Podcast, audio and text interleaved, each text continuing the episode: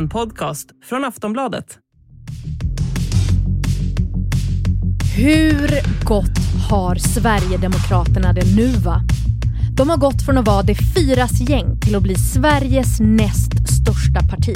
Och de fortsätter behålla sin roll som solen som alla andra partier och samtalsämnen kretsar kring. Så låt oss. Låt oss snacka om hur de har kunnat bli så stora. Om deras relation till journalister och varför det är smartast av dem att inte kräva platser i regeringen. Och hur det kommer sig att det är så himla viktigt för dem att få talmanskronan.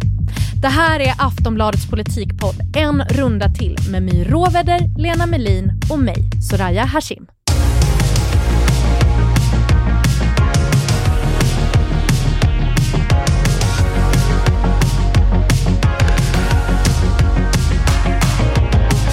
Hallå Lena och My. God morgon kvist. Hörrni, nu har vi ju i princip det färdiga valresultatet och det visar sig att det blåa blocket har fått ytterligare ett mandat. Det är 176 mot 173, ett extra mandat som Ulf Kristersson ju måste vara väldigt nöjd med. Varför är han det?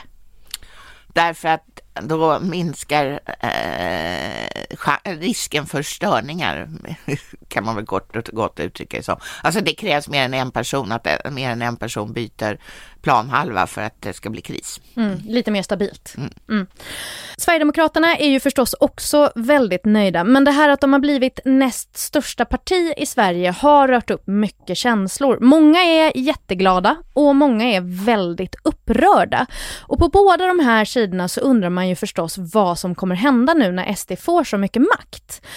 Klart är att alla pratar om Sverigedemokraterna nu och det ska vi också göra. My, du har ju sagt förut att Sverigedemokraterna är solen som de andra partierna kretsar kring och jag tycker det, det, det känns exakt så. Men, men varför är det så? Ja, men det är ju för att de har haft en avgörande roll i svensk politik under nu ganska lång tid. De blev ju vågmästare i valet 2014 och det gav ju dem en naturligt central roll i politiken.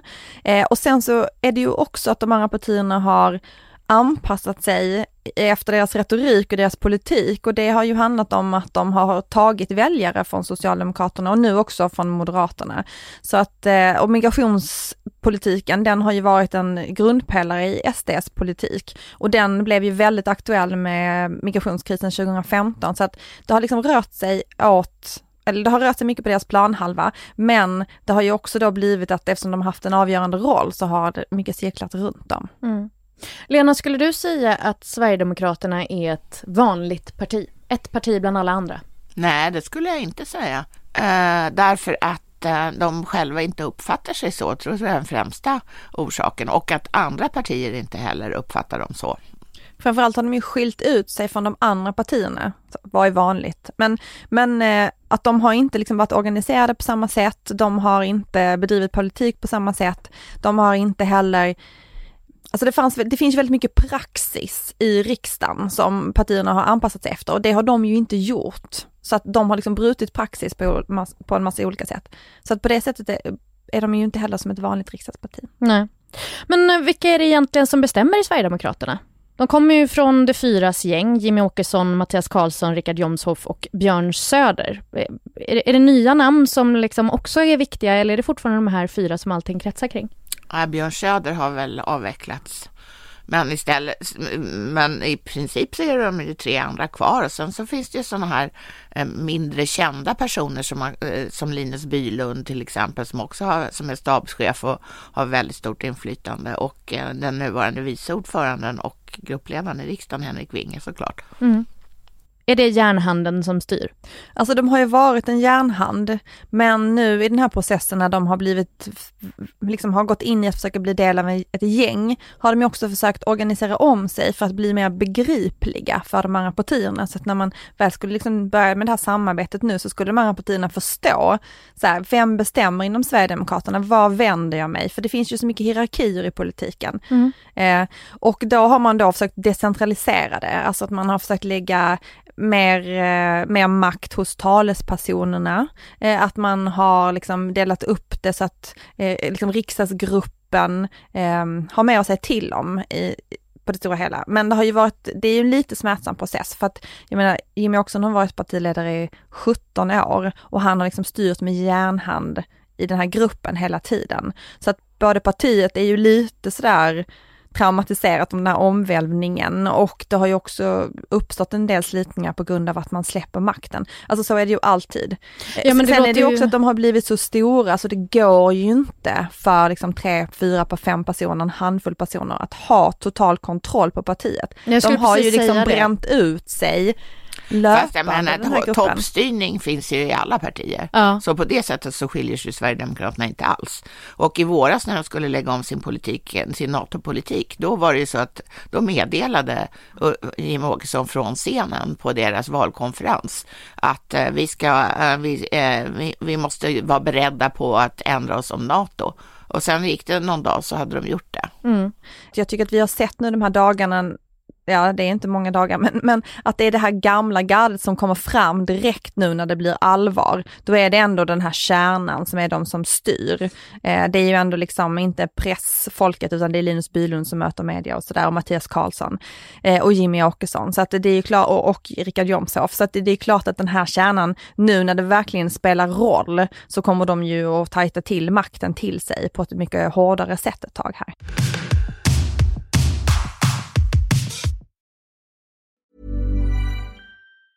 When you're ready to pop the question, the last thing you want to do is second guess the ring. At Bluenile.com, you can design a one of a kind ring with the ease and convenience of shopping online. Choose your diamond and setting. When you find the one, you'll get it delivered right to your door. Go to Bluenile.com and use promo code LISTEN to get $50 off your purchase of $500 or more. That's code LISTEN at Bluenile.com for $50 off your purchase.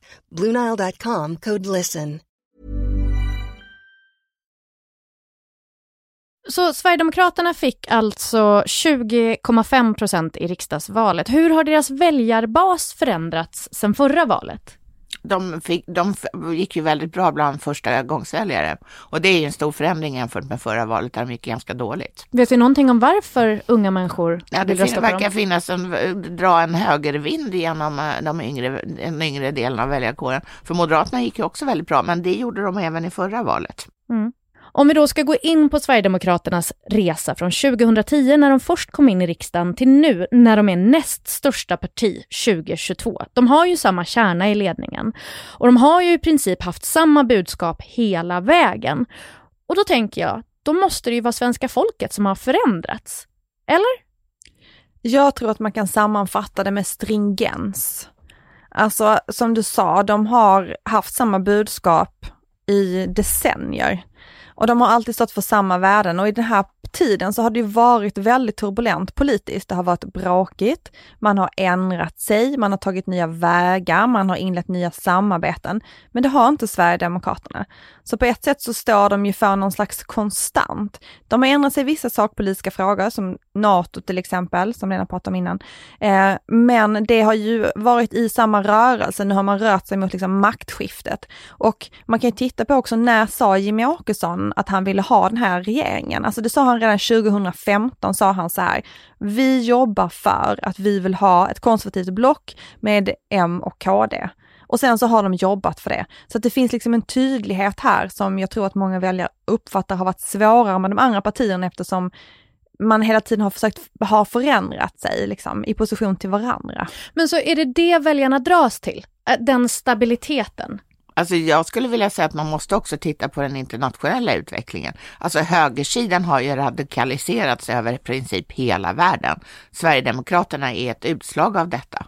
Mm. Och, eh, och det är ju sådana här Trumpar och det är eh, Johnsonar och det är alla möjliga, det är Orbanar och, och, och där, nu har de varit ovanligt framgångsrika får man ju säga. Mm. Och sen så finns det ju en annan faktor här också. Alltså Sverigedemokraterna det är ju från början liksom ett missnöjesparti ändå, att man, man röstar på dem för att man är missnöjd med etablissemanget, med hur det är samhället, samhället typ är på väg åt fel håll. Um, och så att egentligen tror jag inte att det är att de har varit så himla bra. Jag tror egentligen så att hade politiken varit genial, då hade ju de här utmaningarna som vi ser i samhället, då hade de ju inte funnits. Uh, så att jag tror att det har ju också varit att man liksom känner att politiken inte riktigt har nått fram och då har ju Sverigedemokraterna alltid stått utanför. De har varit den ständiga oppositionen och kunnat påpeka detta eh, oavsett liksom vem som har styrt. Så det har de ju också tjänat på och det ska ju bli superintressant nu för att nu kommer de inte kunna ha kvar den här positionen på samma sätt. Frågan är om de kommer lyckas skapa en bild av att de fortfarande har den fast de är in i, liksom, i, ett, i eh, ett regeringsunderlag. Alltså bilden av att de står utanför och pekar exakt, in. Exakt, exakt. Eh, Eller om de kommer slukas upp i det här nu och bli en del av det här gänget och vad det kommer att betyda för, för deras valresultat 2026. Det ska bli en väldigt spännande mandatperiod tycker jag. Ja, för jag tycker nu, eh, senaste dygnet i princip, så tycker jag att jag har hört jättemycket om så här, är det en för eller nackdel för Sverigedemokraterna att eh, propsa på att sitta i regering? Alltså är det bra för dem att stå utanför för att de liksom... Det är klart att det är bra för dem att stå utanför. Det är bättre. Men kommer, Absolut. men kommer deras väljare förstå det då? Det kommer Jimmie Åkesson att tala om för dem. Och då kommer Jimmie Åkesson bli trodd. För Jimmie Åkesson har väldigt stort förtroende bland sina väljare. Och är det vägen ni tror att han kommer välja? Att Ja. inte sätta sig i regering? Ja, därför att det ger dem ju naturligtvis oerhört mycket mer makt. Eh, eh, eh, alltså, eh, Sverigedemokraterna är störst av de här partierna. Och eh, samtidigt friast. Det är en oslagbar kombination. Friast i att de kan, de är inte bundna till några löften om de inte sitter i regeringen. Nej, och det, eh, och det är klart att eh, blir de överens om en budget, så måste, och vilket de måste, så är det klart att då måste Sverigedemokraterna hålla sig till det som står i den där budgeten. Då kan de ju plötsligt inte börja säga att ja, men det där vill inte vi ha med. Men i övrigt så har, får ju, har ju Jimmie Åkesson chansen att spela, eh, alltså Ulf Kristersson måste göra som han vill, annars så faller regeringen. Så det här att Jomshof har gått ut och sagt att eh, de eventuelnt vill ha platser, det ska vi bara se som, liksom, det, det är förhandlingen. Det är att de vill hålla det över huvudet så att de ska Ja, få igenom han- sin politik. Han, vad han gör är att han höjer ju kostnaden för att för ett samarbete med dem. Just det. Och det här är ett parti med otroligt tålamod. Alltså de har sett det här som ett, som ett långsiktigt projekt. Och redan på valvakan så pratade ju folk om 2026. Ja. Att nu, det är liksom det gyllene året 2026. Det här, nu är vi närmare det. Mm. När de ska bli, det här är ju då en sverigedemokratisk dröm, men, men att de ser det som att de skulle kunna bli så stora att de är en potentiell statsministerkandidat på högersidan. Eh, och blir det så, då är, har vi ju en helt ny eh, Alltså, då kommer vi, ju, vi har ju redan början på en ny politisk, ett nytt politiskt landskap där det är Socialdemokraterna och Sverigedemokraterna som är kampen. Eh, och om de blir, växer nu under den här mandatperioden så kommer det bli ännu mer så i nästa valrörelse. Mm. Men jag måste ändå gå tillbaka till det vi var inne på med det här att liksom hur, hur svenska folket har blivit mer mottagligt för deras politik. För jag har inte riktigt hört er säga att, att de här väljarna tycker exakt som Sverigedemokraternas politik. Utan mest att, att man bara är missnöjd med det som är. Men inte bara det, utan det är också så att från början var det ju så att Sverigedemokraterna var det enda partiet som överhuvudtaget tog upp en fråga som ändå sysselsatte väldigt många människor och de behöver inte alls ha varit rasister eller främlingsfientliga eller någonting. Men att belastningen på till exempel skolsystemet i väldigt invandrartäta områden var stor, så skolorna fungerade helt enkelt så bra. Det var ändå ett samtalsämne bland människor, men, men de andra partierna tog inte upp det för det var för jobbigt. Och, och så kom Sverigedemokraterna seglande där på, på Nacka och, och sa att ja, men vi håller med er. Det är nog inte så bra. Och det är ju därför framför allt som man röstar på Sverigedemokraterna. Det är ju i- migrationsfrågan som är liksom den starka eh, pull-effekten. Och sen har ju då Sverigedemokraterna kopplat eh, in, in, in, integrationsproblemen till brottsligheten som om man ser ur deras syn- synvinkel är, var genialiskt. Och så har de fått alla med Ja. sig, vilket ju var väldigt bra för dem. Sverigedemokraterna har ju under åren haft en något ansträngd relation, får vi ju säga, till medier. Och den har ju aktualiserats sedan valet i söndags. Till exempel så pratade partiets stabschef Linus Bylund om att det var dags att börja spela journalistrugby. ser ni fram emot de kommande dagarna? Ehm, mycket jobb antagligen. Eh, och mycket av det som vi kallar för journalistrugby. Vad innebär det? Ja, att man knuffar journalister. Han har även kallat journalister för nationens fiender och velat se straff mot journalister som han har uppfattat som partiska tidigare. Och efter att Willy Silberstein från Svenska kommittén mot antisemitism uttryckt oro för Sverigedemokraternas framgång i valet i eh, Aktuellt så sa riksdagsledamoten Björn Söder på Twitter att nu får banne mig SVT skärpa sig och sluta med rena propagandainslag. Kvällens Aktuellt borde omgående anmälas för partiskhet och public service ska banne mig reformeras i grunden. Varför använder de sig av den här strategin? dels tror jag att de tycker sådär mm. och sen så tror jag att de tycker att de, eh, jag tror faktiskt att de vinner vissa poäng på det för journalister är inte älskade av alla. Nej.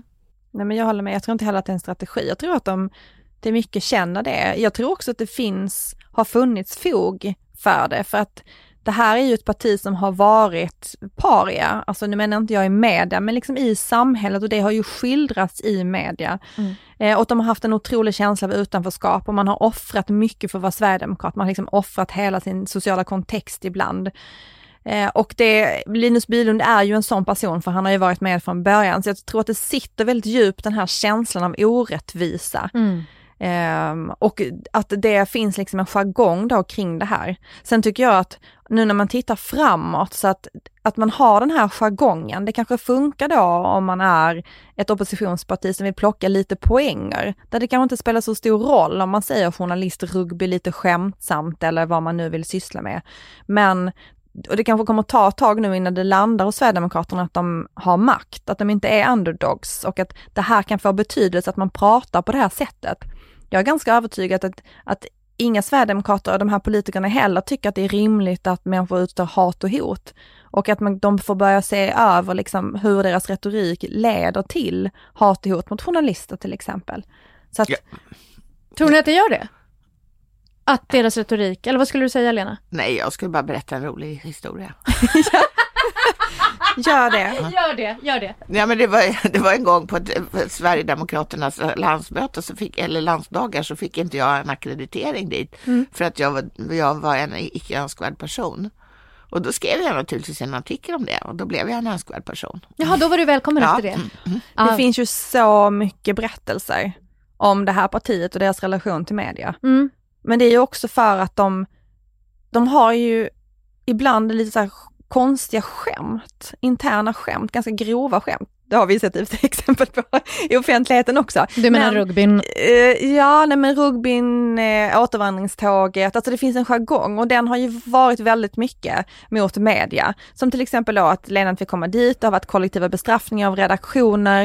Eh, det har ju varit det här med att de inte har gett oss mat, och har de tyckt det var väldigt kul att när man är liksom på deras parti-events så är man liksom helt utlämnad till ett parti för att man sitter i flera dagar och jobbar i liksom en ganska stängd lokal. Och då har de då inte gett mat till journalister som, ett, som en rolig grej. De har satt så ett paket Mariekex på bordet och vatten och så har de tyckt det var kul. Eh, medan liksom alla andra partier vet ju om att även journalister måste äta, det måste finnas möjlighet, eh, i alla fall att man får, kan köpa mat eller någonting sånt där. Nu har det ju ändrats vill jag säga. Det finns liksom ett nytt, ny generation inom Sverigedemokraterna som vet om att det här är inte någonting man tjänar på. För då blir det som som efter Lenas, med Lenas artikel, att man skriver om det. Man ja. beskriver liksom vad man är med om och det låter ju inte heller så himla bra. Dessutom är det en jättedålig strategi och folk sitter hungriga, blir man ju, eller om jag blir hungrig så blir, man ofta, blir jag väldigt grinig och det ja, kommer ju att färga, färga av sig på, ja, på, på, på, arbetet. Det är inte, det är inte Lenas snällaste penna som kommer det, fram då. Nej, ingens. Mm. Eh, men så nu den här förra landsdagarna då förra hösten, då var de ju så stolta över det här. De var stolta över delvis att de var tillgängliga, det har de ju inte heller varit. Deras presstjänst har varit typ omöjlig att nå i många år. Eh, det är det inte riktigt heller nu längre. Men att de var där, de var tillgängliga, de hade jättemycket fika, det var mycket, jättemycket fokus på, nu har vi den bästa fikan.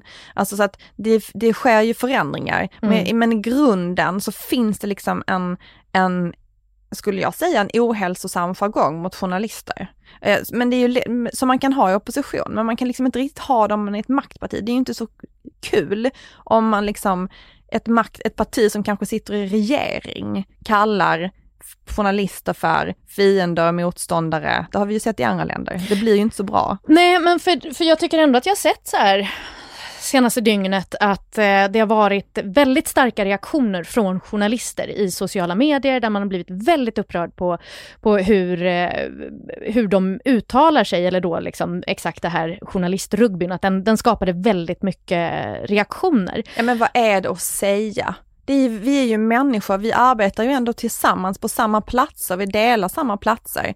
Vad, vad är det att säga till en, till en människa? Att man liksom ska syssla med journalistrugby. Vad är det, alltså jag, jag förstår inte varför. Jag förstår visst ett skämt men mm. Eller jag, jag, jag, tror att det är ett Jag fattar inte ens vad det är, så dum är jag. Men han menar liksom att de ska knuffa journalister. Vissa menar att, att han egentligen menar att när journalister står i, en, står i en stor hop runt honom så måste man knuffa undan dem för att komma förbi. Jaha, då Andra... när han mötte Mattias Karlsson som blev så rädd när det kommer massa journalister på gatan. exakt, ja, exakt. Han är så ovan vid journalister, verkligen. Och andra menar att han då faktiskt fysiskt liksom ska knuffa på journalister bara för sakens skull. Oklart vad han menar, men, men det är ju ändå speciellt. Finns det, finns det någon verklig fara i sättet han snedstreck de pratar om journalister? Alltså vi är ju redan utsatta för väldigt mycket hat mm. och ibland hot. Jag tycker att allting som kan spä på att människor hatas och hotas är onödigt. För det är ju inte så att vi har dåliga relationer till de här personerna. Mm. Det skulle inte jag säga. Jag skulle inte säga att Linus Bylund har dålig relation till journalister. Utan tvärtom, att han är en ganska bjussig och trevlig person mot journalister och trevlig att ha att göra med. Och det är ju många av de här eh, politikerna, även i Sverigedemokraterna. Mm. Så det är ju en jargong som jag, om jag ska ha en personlig åsikt, tycker är helt onödig att ha. Mm. Eftersom relationerna ser inte ut på det här sättet.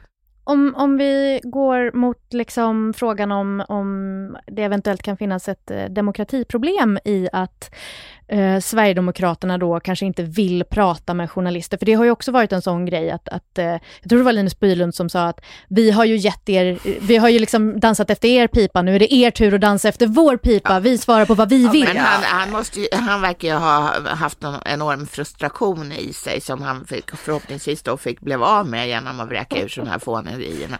Men, men alltså, eh, jag måste säga att jag tycker inte att det, det var ju skillnad förr, då svarar ju de knappt på frågor. Nu är, upplever inte jag att det, att det är något besvärligt att ha med Sverigedemokrater att göra.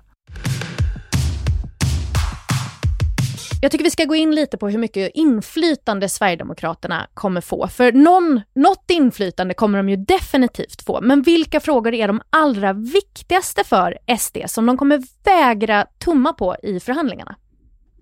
Migrationspolitiken. Mm. Och brott och straff och a-kassa och sjukpenning. A-kassa och sjukpenning är det jag hör som inte riktigt ligger i linje med de andra blåa partierna. Nej, och mm. migrationen vill de ju också dra längre. Men de kanske är nöjda i och för sig om de bara kommer halvvägs, men de vill också dra det längre än de andra partierna. Men, men konfliktytorna, det måste ju vara a-kassa och sjukpenning? Absolut. Vad är det de vill göra med det, bara så att vi är lite tydliga? De, när det gäller a-kassan så vill de behålla de här högre nivåerna som infördes under, under pandemin mm. och som eh, jag tror upphör vid årsskiftet. Jag är nästan säker på att det är vid årsskiftet de upphör. Och det vill de, inte Moderaterna, KD eller L, eller? Nej. Nej. Men, det, men, eller jag vet inte vad jag tycker i den frågan, men M och KD vill inte det i alla fall. Um, och och uh, detsamma gäller sjuk, sjuk, sjuk, ersättningen i sjuk, eh, sjuk och aktivitetsersättningen. De vill inte att den ska sänkas heller.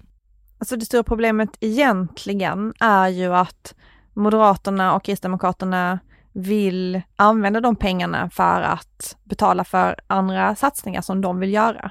Så det är ju liksom det som är den stora konflikten. Har de bara massa pengar de kan kasta ut så skulle de säkert bara kunna kasta det benet till Sverigedemokraterna.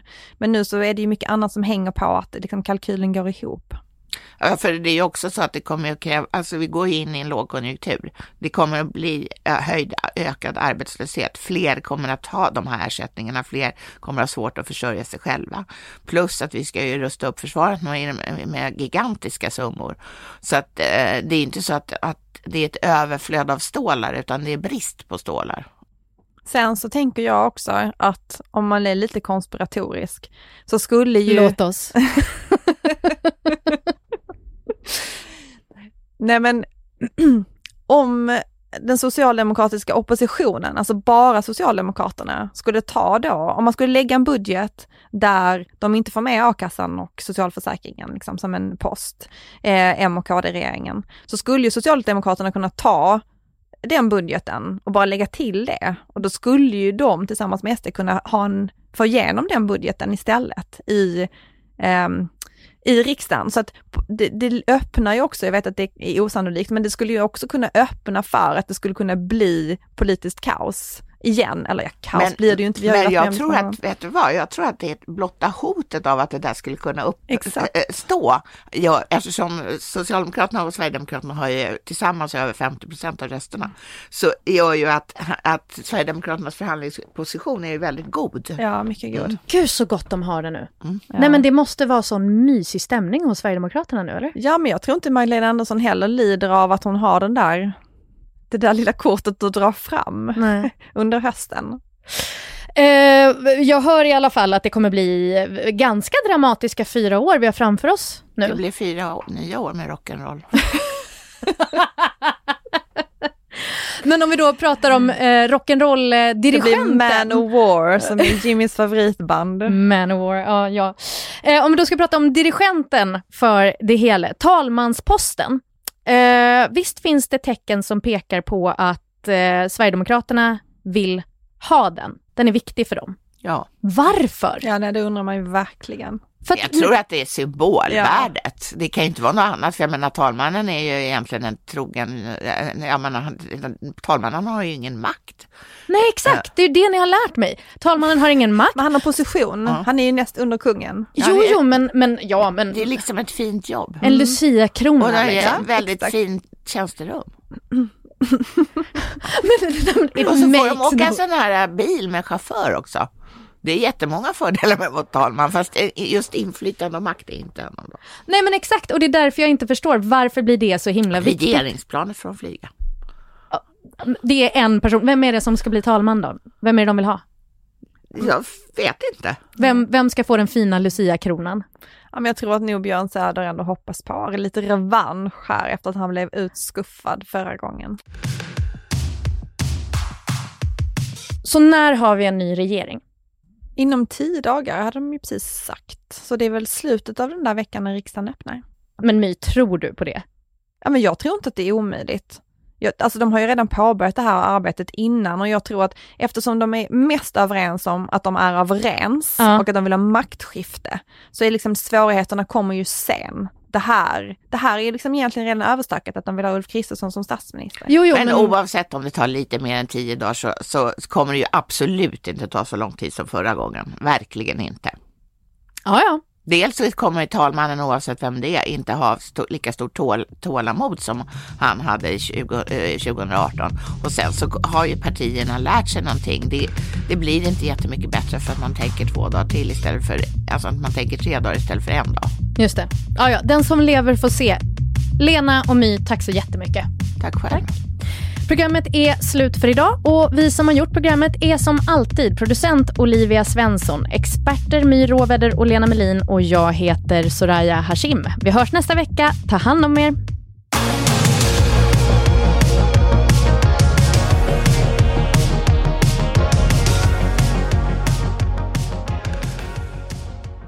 Du har lyssnat på en podcast från Aftonbladet. Ansvarig utgivare är Lena K Samuelsson.